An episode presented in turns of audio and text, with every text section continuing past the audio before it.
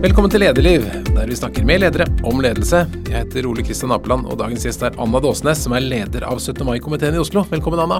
Tusen takk. Det er et svært arrangement du skal lede?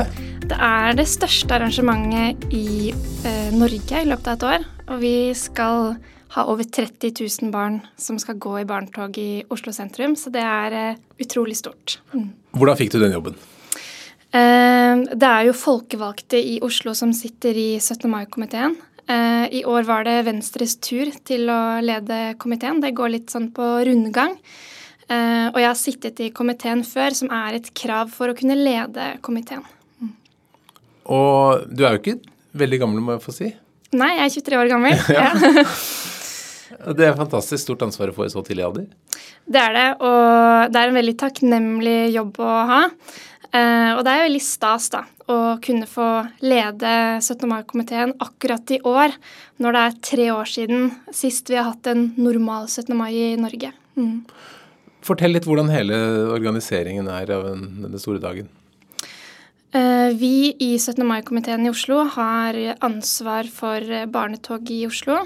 Eh, det er jo det største som skjer på 17. mai, men vi arrangerer også en festkonsert, og vi har bekransninger på morgenen eh, som vi inviterer talere til å, til å, holde en tale ved graven til eh, ti ulike kjente nordmenn. Da. Det tror jeg ikke alle vet om. Kan, kan, du si noen av de som får graven sin begranset? Det er jo eh, Bjørnstjerne Bjørnson bl.a. og um, Sigrid Undset. Mm. Spennende. Der, og der kan alle komme? Der kan alle komme. Eh, og der har vi også fått veldig gode talere. Eh, Bl.a. Birgitte Skarstein. Eh, og så har vi en representant fra Helsingforskomiteen. Eh, så det blir ofte veldig gode taler. Og i år, når vi har en så spesiell situasjon i Europa, så tror jeg også at de talene kommer til å eh, kanskje reflektere det. Mm. Du var da i komiteen i 2020. Hvordan var det? Nei, Det var jo veldig spesielt. For vi ble jo oppnevnt lenge før vi hadde hørt om koronaviruset. Og så ble jo Norge stengt ned i mars. Og da trodde vi jo alle at dette skulle vare i to uker. Two weeks to flatten the curve. Eh, men vi så jo etter hvert at dette her dro ut. Og da var det veldig spesielt å skulle avlyse barnetoget i Oslo sentrum.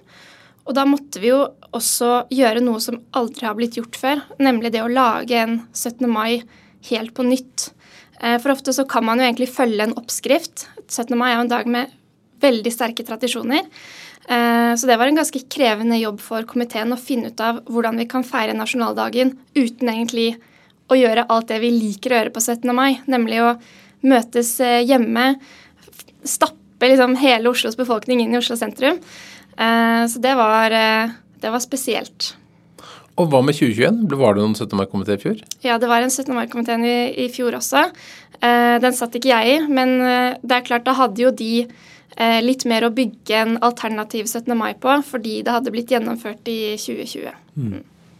Og nå um, er det da fullt i gang. Blir det noe annerledes? Er det, er det, noe som blir nytt nå, eller blir alt som det alltid har vært? Jeg har jo sagt at uh, det jeg ønsker meg i år, er egentlig en helt normal 17. mai. Jeg tror veldig mange gleder seg til å ha en sånn helt uh, normal 17. mai-feiring, sånn som vi pleier å ha det. Uh, og ta den dagen tilbake med barnetog og is og det å kunne samles mange sammen.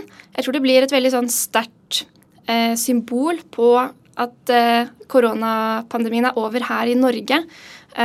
fordi det å samle så mange mennesker er jo det vi absolutt ikke har fått mulighet til å gjøre de siste årene.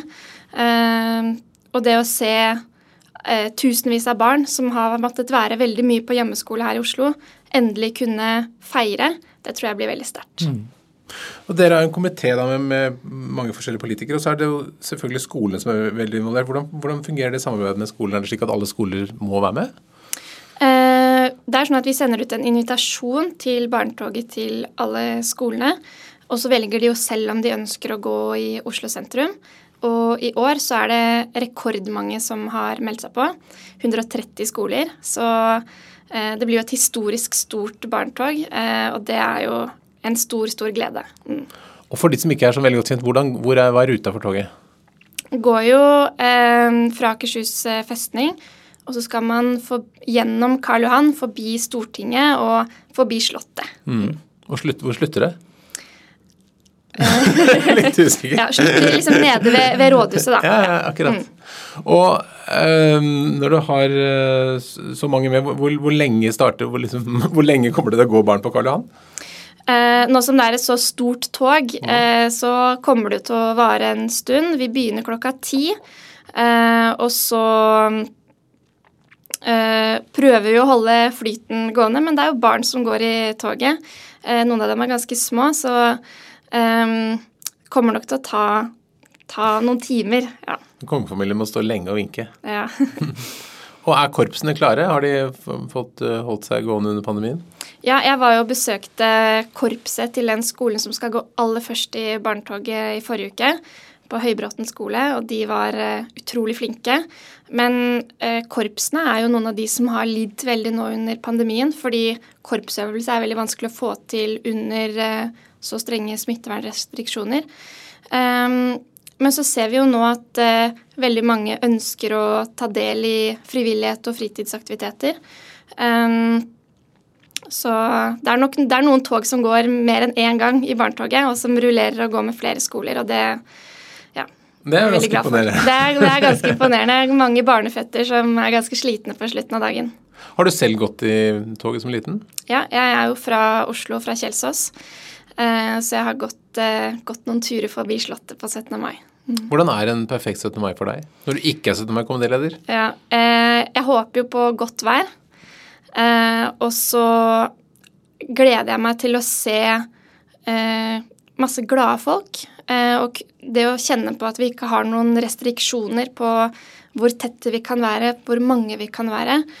Jeg syns jo at 17. mai er en veldig spesiell nasjonaldagsfeiring. Eh, fordi her i Norge så er det barna som får skinne. Det er ikke de politiske lederne, f.eks. Um, og det er en fantastisk dag hvor vi faktisk får markert eh, friheten, demokratiet, grunnloven vår, som jeg tenker nå etter to år med pandemi Vi har sett hvor viktig Grunnloven er, og hvor, at det dokumentet, som er over 200 år gammelt, står seg veldig godt. Mm. Vi snakker jo alltid som om dette er helt unikt. Er det slik, er vi de eneste i verden som har barnetog på nasjonaldagen? vet du? Det er jo andre land som har parader på nasjonaldagen sin det som gjør eh, nasjonaldagsfeiringen i Norge spesielt, det er jo at det er barna som får skinne. Um, og at det ikke er f.eks. statsministeren eller militæret, uh, men at det er barna. Mm. Og så leste jeg at Ukrainas ambassadør vil gjerne gå sammen med barna i toget, og det ble en sak for dere? Ja, um, det ble en sak for oss. og vi valgte jo å avvise den forespørselen. Uh, det var jo litt sånn, det er en vanskelig sak, fordi at jeg tror ryggmargsrefleksen til alle oss nå, den sier at ja, selvfølgelig så må vi uh, markere støtte for Ukraina. Um, men så er det jo noe litt spesielt med dette barnetoget. Fordi at det er jo barna som skal få skinne akkurat på den dagen. Og da sa vi at uh, det er ikke et sted hvor ambassadører går. Til og med ikke statsministeren i Norge får gå i barnetoget i, i Oslo. Så det er jo litt spesielt. Hvordan var reaksjonen på det? Um, det har jo kommet en del reaksjoner, men jeg opplever at de fleste forstår den begrunnelsen veldig godt. Um, det er jo noe med at eh, man må prøve å skille litt på hva er det som er oss voksnes behov, Eh, for å markere støtte, markere en politisk sak. Og hva er det som er barnas ønsker? Um, og om vi voksne skal begynne å legge føringer for hva barna skal markere, uh, så går vi inn i en litt vanskelig vei. Um, og i en by som Oslo så har vi barn fra veldig mange ulike konfliktområder. Um, og ja, hva skal vi si til barn fra Palestina, fra Afghanistan, fra Syria? som også ønsker å markere um, solidaritet med sitt, uh, sin befolkning. Um, og da er det nok uh, bedre å la barnetoget være barnetog. Og så kan vi markere støtte til ulike politiske saker alle andre dager i året, og også utenom barnetoget. Mm.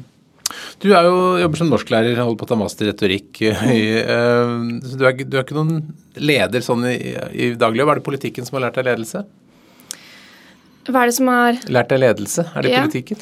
Um, ja, jeg tror at Jeg har jo vært uh, leder i Oslo Unge Venstre tidligere.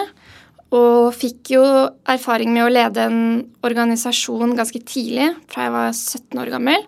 Og sittet i sentralstyret i Unge Venstre. Det lærte jeg veldig mye av. Uh, møteledelse, det tror jeg er litt sånn undervurdert kunst. Uh, men så er jo det å være lærer, det er å være klasseleder. Um, og det er ganske mye som man kan overføre fra å stå i klasserommet til å lede en så stor komité, og til å drive andre lederjobber. Det å være strukturert, det å være tydelig, og det å være bevisst på um, hvilke kamper man skal ta, f.eks. Mm. Du sier at møteledelse er undervurdert. Det, det kan sikkert være spennende møte med så mange partier og mange, mange sammen, en ganske stor komité. Hva, hva, er liksom kjernen i god møteledelse? Jeg er en litt sånn utålmodig sjel, så jeg kjenner selv på at jeg kan bli veldig sånn irritert hvis jeg sitter på møter som er dårlig strukturert, eller der eh, debatter sklir ut. Um, tror jeg det er viktig å eh, ha en klar struktur. Det å ha en god innkalling. Eh, og når man sitter som leder i et møte, så syns jeg det er viktig at man er bevisst på sin egen rolle. Eh, for de som sitter rundt møtebordet, så er det ofte viktig å oppleve at man blir lytta til. Og da er det viktig at man lar alle de innspillene komme. Og så må man tenke litt på ok, hvilke saker er det det er viktig at jeg legger en klar føring for. Um, og hvilke saker er det jeg kan slippe litt uh, fri. Um, for hvis man har veldig stram kontroll over alle saker, så mister man jo faktisk fort uh, litt kontrollen. Det å være litt bevisst på ja, hvor mye valgfrihet f.eks. man gir, eller hvor mye debatt man åpner for, uh, det tror jeg er viktig for å også fatte gode vedtak. Så det er like det, det, det, er like ille når du for ustrukturert eller for stramt? Man må finne en balanse mellom der? Ja, og jeg tenker i hvert fall i et demokratisk forum som vi som politikere sitter i, eh, så vil man jo fort eh, få en motbør hvis man oppleves som for stram og for rigid. Eh, for man vil jo ikke kvele en debatt. Og det er viktig at de som sitter rundt bordet, opplever at de faktisk blir lytta til. Um, så blir det for stramt og for rigid, så vil jo kanskje folk sitte eh, rundt det møtebordet og kjenne på at de ikke har fått sagt det som var viktig for dem. Og da kan du ende opp med vedtak som ikke er godt nok forankret, f.eks. For Hva slags saker er det som skaper mye debatt i 17. mai-komiteen? Eh, akkurat i år så har det jo vært eh, de eh, saker som er knytta til eh, Ukraina. Vi hadde en flaggdebatt. Mm. Eh, der eh, vi faktisk klarte å lande på et flertallsvedtak hvor alle, eller et, eh, hvor hele komiteen klarte å um, bli enige om én formulering. Um, det var om man kunne bruke andre flagg? Ja, om man kan bruke andre flagg enn det norske i barnetoget. Og hva ble formuleringen? Formuleringen det ble at vi oppfordrer til å bruke det norske flagget, det samiske flagget eller FN-flagget, men at det ikke er forbudt å bruke andre flagg. Ser du for deg at det blir mye andre flagg? Eh, det har jo ikke vært sånn før. Dette har jo egentlig vært regelen i Oslo i veldig mange år. Eh, men så velger jo de aller fleste å gå med det norske flagget. Det tror jeg vi kommer til å se i år også. Men så er jeg helt sikker på at noen ønsker å gå med det ukrainske flagget. Eh, eller andre flagg. Det er en veldig fin og demokratisk komité hvor alle partier er like godt representert. Mm. Er det, er det noen, noen, klassiske fløyer i, i 17. mai-komiteen, eller er, det, er, man veldig enig om det meste? Hmm, nei, akkurat i den flaggsaken så kan man jo kanskje se for seg litt hvordan den debatten ser ut. Men det er jo noe av det som er litt fint med Norge, det er at akkurat når det kommer til litt sånn grunnleggende ting, så er jo partiene veldig enige um, om altså Grunnloven, demokrati, fred og frihet, så er jo norske politikere veldig enige. Eh, så veldig sterke fløyer, det er det ikke. Mm. Den tiden du har hatt i Unge Venstre, fortell, hva har du lært som leder i den perioden? Um, det jeg lærte i Unge Venstre, det var um, hvor viktig det er å ha god forankring i organisasjonen når man skal uh, jobbe med vanskelige saker. Um, og så ble jeg nok mer bevisst på kommunikasjon internt og kommunikasjon eksternt. Det er jo forskjell på hvordan man debatterer saker rundt et bord inne på Venstres hus, og hvordan man skriver et leserinnlegg om samme tema. Og så tror jeg at veldig mange, kanskje unge, de Når de går inn i politikken, så tenker de at de må være på en veldig spesiell måte. man ser kanskje på partilederen sin, eller på voksne politikere, som kanskje litt typisk, eh, typisk lederrolle er jo kanskje en godt voksen mann. Men så har vi jo de siste årene snakket mer om at det er viktig også å ha ledere som er litt forskjellige. Og det å kunne vise sårbarhet, usikkerhet, faktisk er en måte å skape tillit på. Uh, så det å ikke føle seg så styrt av en mal etter hvordan man skal være som leder, det har jeg også blitt tryggere på de siste årene. Er det mye sånn strukturert kursing i Venstre på hvordan man skal være leder? Eh, nei, det er organisasjonsskolering. Eh, fordi det er jo ikke sånn at alle Det er jo en del formelle ting som er viktig når man driver en organisasjon. Økonomi, eh, årsmøter, eh, vedtekter. Eh, men jeg opplever at det er veldig stort rom for å være forskjellig. Vi er jo et liberalt parti, eh, og det tror jeg nok også speiler organisasjonen. Mm. Hva er det som fikk deg til å engasjere deg i Venstre første omgang? Jeg meldte meg jo inn i Unge Venstre da jeg var 14 år gammel. Eh, og jeg tror veldig mange unge i dag har jo vokst opp med klimakrise, så det lå litt sånn til bunn. Men så er jeg opptatt av at vi skal løse de problemene verden står overfor i dag internasjonalt og med samarbeid i Europa. Og da er jo egentlig Venstre det eneste partiet eh, å gå for hvis man er for EU-medlemskap og opptatt av klima. I hvert fall i dag, da. Mm. Men mange unge, eller de fleste unge, engasjerer seg ikke i politikk. Hvorfor tror du det? Um, det er jo sånn at det er mange som ikke er medlem av partier. Men så ser vi at ungdomsgenerasjonen i dag de er veldig opptatt av eh, saker som ikke handler om deres eget liv. De er opptatt av flyktninger, de er opptatt av klima. Eh, mange nå er kjempeopptatt av krigen i Ukraina. Eh, og jeg opplever at unge, ungdommer i Norge er veldig engasjerte. Eh, og så tror jeg nok at eh, politikken har en jobb å gjøre med å inkludere flere som ikke kommer fra akademikerhjem, som ikke har en universitetsgrad, og som tilhører en minoritet. Um, så der har vi en jobb å gjøre. Og uh, ved å f.eks. løfte flere medlemmer opp i lederposisjoner uh, Det å ha god representasjon er veldig viktig i politikken, syns jeg. Mm. Og det er vel um det kanskje oppleves litt alvorlig for folk å skulle melde seg inn i et parti? At det er en sånn terskel der fra å mene noe til å bli et altså, Og kan man kanskje også være redd for å få en merkelapp? Jeg vet ikke, Hva tror du det? Mm, det er nok det også. Det er jo mange i Norge som syns at det å si hvilket parti man stemmer på, er veldig privat. Eh, og det tenker jeg er eh, helt greit. Man må ikke være medlem av et parti for å engasjere seg. I Norge har vi utrolig mange frivillige organisasjoner. Eh, men jeg syns jo det er eh, utrolig Man kan lære utrolig mye av å være medlem i et part politisk parti. Og i Norge så er veien fra partimedlem til partileder veldig kort. Så man har utrolig eh, Det er jo kanskje den beste måten å eh, påvirke politikken i Norge utover det å stemme ved valg. Vi stemmer jo annethvert år, eller hvert fjerde år på eh, til Stortinget. Eh, men vi bør prøve å ha en mening om hva som skjer litt utover hvert fjerde år. Mm. Hva har vært din største opplevelse i politikken så langt? Oi. Um, min største opplevelse Jeg var jo i en veldig sånn stor uh, mediesak da jeg var 17 år gammel. Uh, da var jeg på et uh, etter hvert veldig kjent parolemøte for 8. mars her i Oslo. eh, og kom inn i en konflikt med Kari Jakkesson.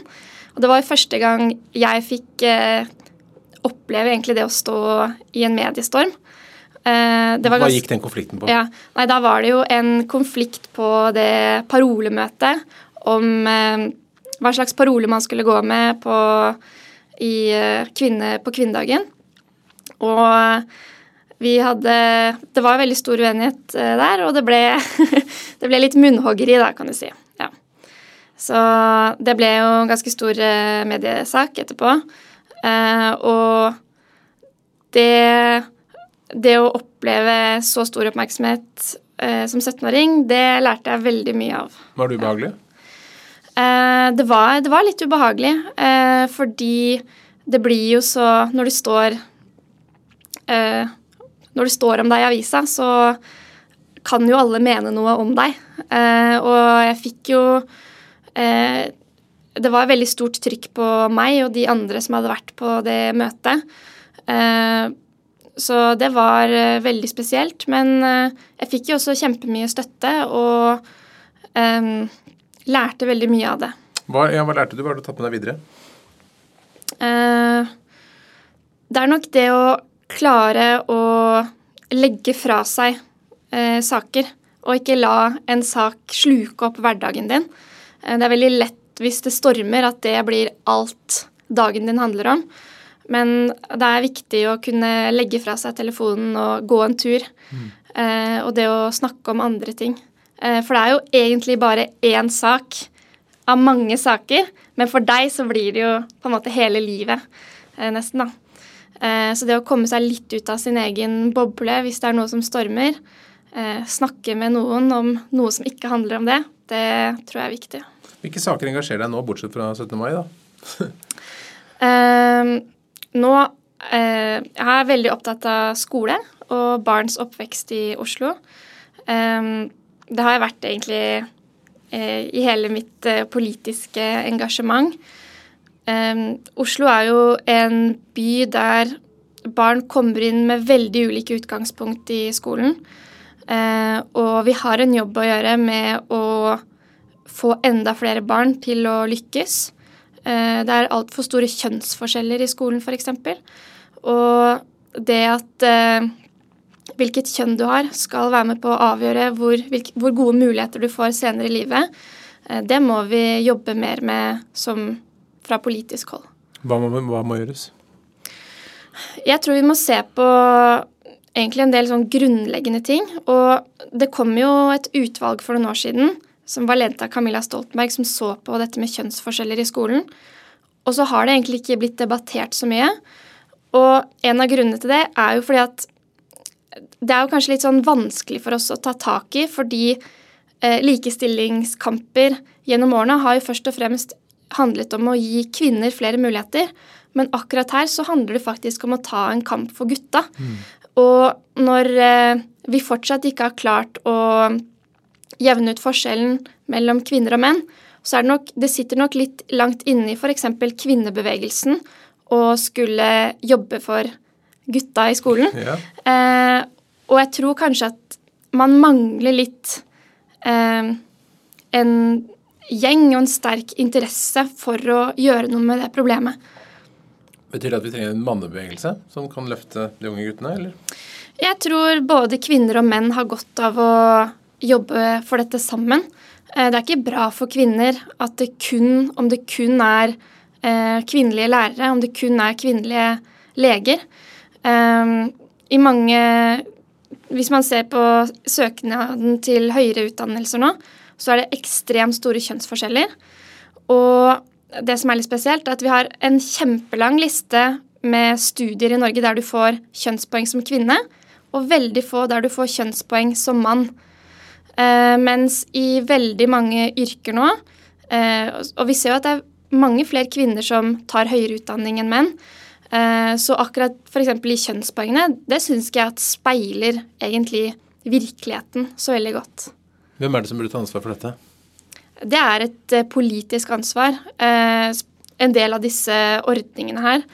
Uh, vi må se på hvordan vi organiserer undervisningen i Norge for at barn går og ungdom som går ut av skolen, faktisk har reelt like store sjanser til å lykkes, om de kommer fra Finnmark eller Oslo, om de heter eh, Magnus eller Marie. Mm. Du tar jo master i retorikk. Mm. Er det politikken som har fristet deg til det? Ja. Eh, jeg er jo opptatt av eh, makt og språk. Eh, det er jo mye av det retorikken handler om. Eh, og jeg skriver, eh, leverer master om fire uker, som handler om myndighetene i Oslo sin kommunikasjon med borgerne under koronapandemien. Spennende. så det er jo en veldig sånn overlapp mellom mitt fagfelt, eh, retorikk, politisk retorikk, og det jeg driver med eh, som politiker. Så det er, eh, det er et ganske tett bånd der. Kan du røpe litt hva du har funnet i oppgaven? Ja. Um, nå har vi jo Vi er veldig kjent med dette slagordet 'Gjør det for Oslo'. Uh, og uh, en ting som jeg syns er veldig interessant, er at uh, myndighetene i Oslo snakker veldig til oss som et fellesskap, og ikke som individer. Eh, og så ser man jo kanskje at man noen ganger går litt mer over i en sånn lydighetsvei, med veldig sterke imperativer. Gjør det for Oslo. Litt sånn pekefinger. Heller enn å kanskje legge opp til tillit. Um, og det er jo veldig forståelig når man står i en akutt krise. Men når man har en krise som pågår over tid, så kan man jo på et tidspunkt få et demokratisk underskudd fordi man ikke inviterer folket til å mene noe om hva det er som skjer. Uh, ja. Hmm. Føler du at um, det var mye som kunne vært bedre rundt koronakommunikasjonen? Ja, jeg mener at uh, myndighetene i Norge burde vært åpnere om hvilke avveininger som ble tatt før ulike tiltak. Man har jo fremstilt det som om det nesten er en naturlov at man skal ha strenge smitteverntiltak når smittetallene har vært høye, og at det er veldig åpenbart at man har landet på de tiltakene man har landet på. Eh, mens de, i realiteten er det jo veldig mange ulike måter å løse en krise på. Og jeg syns i hvert fall at i 2020 tok det veldig lang tid før vi faktisk fikk en debatt om hvordan vi skal løse denne krisen. Og det var nesten en lammelse. Eh, og man ønsket jo ikke politisk debatt om smitteverntiltakene, for man var opptatt av høy oppslutning om dem. Mm. mm. Har noe av det du har eh, studert i den perioden påvirket noe i jobben din som du gjør nå som 17. mai-komitéleder? Jeg er veldig bevisst på å snakke på en måte som jeg tror folk forstår. Det å gjøre språket tilgjengelig for så mange som mulig, det syns jeg er veldig viktig at vi som politikere gjør. Eh, det skal ikke være sånn at du må ha en universitetsgrad for å skjønne politiske vedtak. Eh, så det å snakke klart, være presis, eh, det er, det er viktig for meg. Det har jeg lært mye av på universitetet. Ja. Hvilke oppgaver har du selv på 17. mai? Hvordan ser dagen ut for 17. mai-komitélederen? Det blir en ganske lang dag. Jeg kommer til å starte dagen sikkert innom Jeg skal i hvert fall innom NRK. Og så skal jeg gå helt foran i barnetoget hilse Slottet og hilse kongen. Og så skal jeg ta imot 1000 unger på Oslo rådhus. Eh, og så skal jeg Hvem er de ja, som får lov å komme ja, Det er eh, de to jubileumsskolene, de som feirer 100 år i år. De skal få bli tatt imot på Oslo rådhus. Det så skal vi slippe masse ballonger over dem. Det blir mm. veldig kult. Så skal jeg eh, åpne festkonserten, som er i Karpedammen. Og så tror jeg at jeg er ferdig med de offisielle oppgavene i sånn 50. Ja. Det blir deilig. Det blir gøy, ja. Hva håper du at uh, dagen skal ha gitt, da, når du, når du, er ferdig og til slutt kan ta av deg kanskje bunadskoene? Mm. Uh, jeg håper folk har kjenner på at de endelig har fått ha en festdag hvor de ikke trenger å tenke på meter og antall og klemmer og at man kan kjenne på at nå er det over. Og at man også kan kjenne på en takknemlighet for eh, demokratiet og freden vi har i Norge. Det er ikke noe vi kan ta for gitt. Um, og ja, jeg håper først og fremst at folk får en skikkelig god feiring. Det har de mm. fortjent. Og spesielt barna i Oslo etter to år med pandemi. Helt til slutt, Anna, kunne du gi, noen, kunne du gi tre lederråd til andre som skulle ønske å ta ledelse for 17. mai-komiteen, eller, eller hva som helst annet? Så hva er tre råd for å være en god leder? Det er å sikre god forankring. Det er å um, være tydelig og presis. Og så tror jeg det er viktig å ha litt humor og vise når man er usikker. Anne Låsnes, tusen takk for at du kom til Lederliv, og lykke til med 17. mai-feiringen. Tusen takk.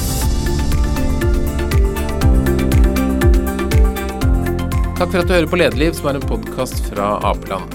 Redaksjonen består av Ingrid Hogneland, Lars Bolden, Lars Jarle Melum og Ole Kristian Apeland, som er meg. Vi er takknemlige for alle gode tips om ledere eller andre kommentarer og innspill. Kan sendes til meg, oleatapeland.no.